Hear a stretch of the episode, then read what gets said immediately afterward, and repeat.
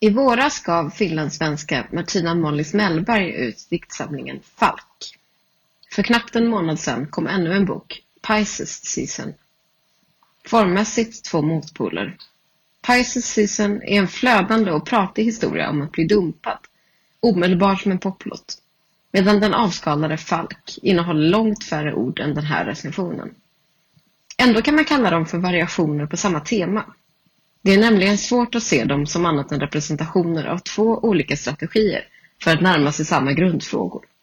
Ensamhet, överlevnad, livet innan och efter en förlorad kärlek.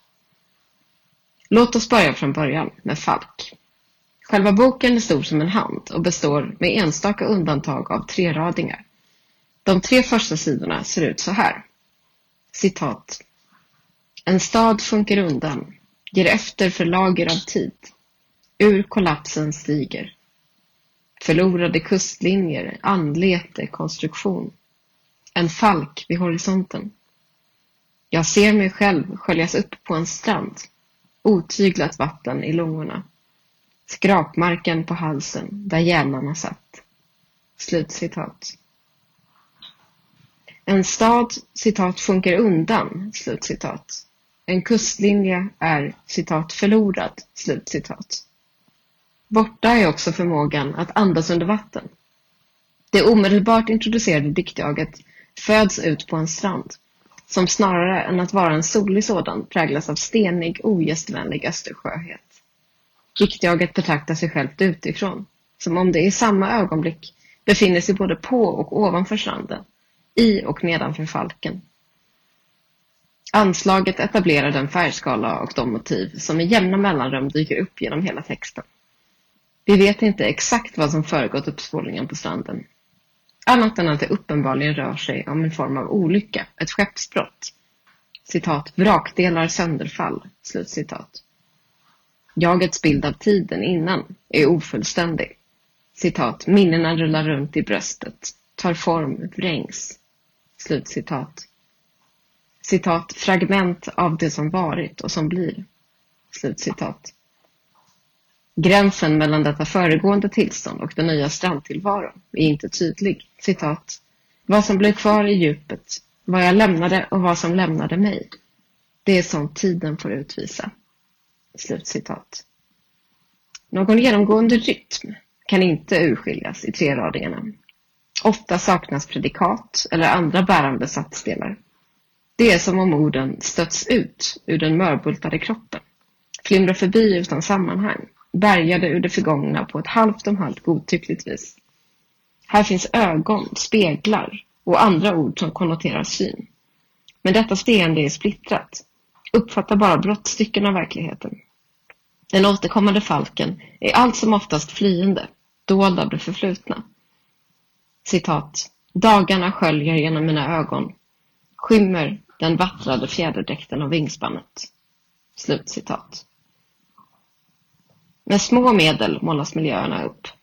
Man föreställer sig en sorts Bergmanlandskap, kargt och svartvitt, hovshallar eller Fårö, klippor, vind. Citat, oceanöga söker sig uppåt, letar efter ett rörligt fäste. Slutcitat.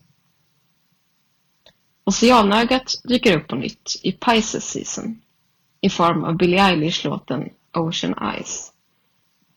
Titeln lånar namn till de första av de tre avsnitt som de 72 sidorna är indelade i. Även här börjar allting med tid och förlust. Citat. Grät innan klockan sju. Vad var det du sa om tiden? Allt ordnar sig. Men sen när du ringde något gick sönder, en tvekan och jag förstod att jag kommer förlora. Du sa det finns så mycket att tänka på, kan inte vara ett förhållande nu. Vill inte vara ansvarig inför dig och det lät som nu lämnar jag dig. Fast du sa jag finns kvar och jag slutade aldrig höra det, vad du än sa sen. Slutcitat. I den här stilen, i talspråkssjok utan skiljetecken, fortsätter texten. Tonfallet påminner mer om snackigheten hos svenskspråkiga samtidspoeter som Hanna Reislöra än om vrakspillrorna i Falk. Samtidigt ger Pisces Season, precis som sitt syskon, tydligt intryck av att komma nästan oförmedlat från en människokropp. Den här gången verkar raderna panikslaget framsnyftade. Man läser dem i ett enda andetag. Citat. Jag textade dig och vi bestämde att vi skulle ringas och sen textade du har migrän och sen textade du somnade tidigt och sen textade du ska iväg om en stund och sen textade du får besök och sen textade du måste jobba och sen textade du kanske bättre en annan gång. Och jag sa att jag förstod och jag förstår, jag känner att jag förstår precis allt men ibland vill jag bara att du ska längta efter mig mer än allt annat i ditt huvud. Jag vill vara viktigast en stund. Det är ju själviskt, jag vet, men vad fan. Slutcitat. Objektet för begäret är titelns Pisces, en yngre kvinna i Stockholm som diktjaget till en början har ett kärleksförhållande med. Att denna alltigenom ojämlika relation kommer att ta slut, har tagit slut, framgår som sagt redan på första sidan. Texten lever sig in i det som varit utan att förespegla annat än att det rör sig om en formellt avslutad affär, som emellertid fortsätter plåga den dumpade. Kärlekssorgen är bottenlös, frågorna de gamla vanliga. Måste det vara så här? Vad gjorde jag för fel? När slutade du älska mig? Kan du inte börja igen? Diktjaget gråter, ältar, scrollar tillbaka i exets Instagramflöde, följer hennes Spotify-listor, radar upp minnen, dofter, låtar. Hon läser horoskop och söker postironisk tröst i att exet är fisk, hon själv lejon. En tydligen dödsdömd kombination. Hon talar med vänner, framför allt med en Hanna, och psykiatrin. Citat, kom hem och skrev till en läkare. Hon svarade genast öka dosen. Slutcitat. Mittenavsnittet Deep End prövar en aningen mer besinnad takt med radbrytningar och ojämn högermarginal. Inte heller det hjälper. Citat. Du är havet, sa jag. Minns du det? Jag säger det igen. Du är havet. Slutcitat. Havet, alltså. Hos Molly Smällberg tycks det ibland fungera som en metafor för den älskade, knuten ytterligare till det genom sitt stjärntecken. Havet slukar, omfamnar, kastar sen och skoningslöst upp på land. Samtidigt äger detta hav en desto mer konkret funktion i det att det ligger mellan diktjaget och flickvännen. De måste åka över Östersjön för att ses.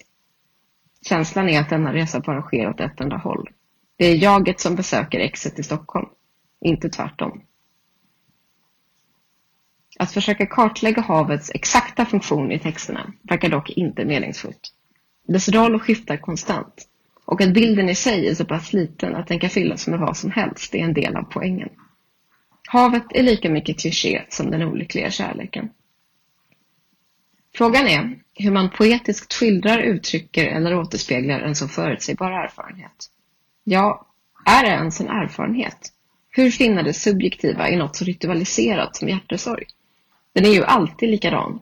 Alltid lika för omgivningen tröttsam. Och det är dess förbannelse. Alltså, att vi har så svårt att sympatisera med någon som ältar sitt ex.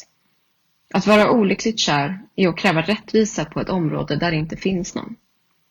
Och är det inte på sätt och vis det, insikten om att det man så starkt känner måste tyglas, som är det verkligt plågsamma? Väntan på att det som sliter en itu ska gå över. Molly Snellberg försöker inte ta sig ur den estetiskt komplicerade belägenheten.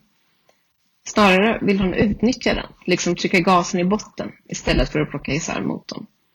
Om klichén är det enda som står till buds, då får det helt enkelt vara så, verkar resonemanget vara. Följaktligen, för att understryka den ogarderade hållningen, jag kan inte annat, är dikten full av referenser till poplåtar och metaforer som den ovan. Textens existensberättigande tycks på så vis ligga i den personliga, känslomässiga nödvändighet ur vilken den är skriven, men som för läsaren alltså är svår att träda in i. Den som inte är olyckligt kär ser ju framförallt klichéerna. Särskilt framstår det så när man jämför den med Falk. Då och då händer det nämligen att de båda böckerna aktivt korresponderar med varandra. Exempelvis återkommer den näst sista sidan i Falk i vagt modifierad form i Pisces Season.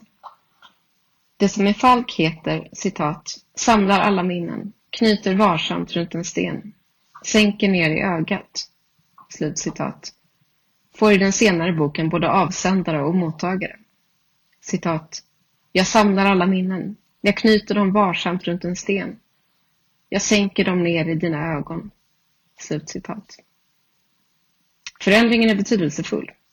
Den går i linje med en sorts förenklad läsart som böckerna själva bjuder in till, enligt vilken Pisces season säger rakt ut det som i Falk uttrycks metaforiskt. Enligt denna läsart framstår bilderna i Falk som rent symboliska, som gåtor med rätta och felaktiga svar. Men i Pisces season talar poeten ur skägget. Hallå, det finns ingen Falk, det är mitt hjärta som är krossat. Det är jag som lider. Jag tror inte att den tolkningen gör någon av böckerna en tjänst. Men frågan är om de låter sig läsas utan att de i sammanhanget banala begreppen sanning och lögn, upplevt och påhittat, ska operationaliseras på ett alltför tvådimensionellt sätt. Dessvärre betvivlar jag det. Framförallt Pisces season känns en aning olagrad i sin tilltro till den rena identifikationen. Det explicita tematiserandet av ämnets platthet går inte tillräckligt långt för att överskrida denna platthet. Kanske skulle boken därför ha tjänat på att vara betydligt längre. Det mest intressanta är ju besattheten, att den skildrar en så kallad kärlek som har mycket lite med den älskades person att göra. Om detta fick uppta ytterligare några hundra sidor hade kanske någonting bortom det rent privata, jag blottar mig, satts på spel. Effekten hade kunnat bli obehaglig, skrämmande och därför desto mer fascinerande.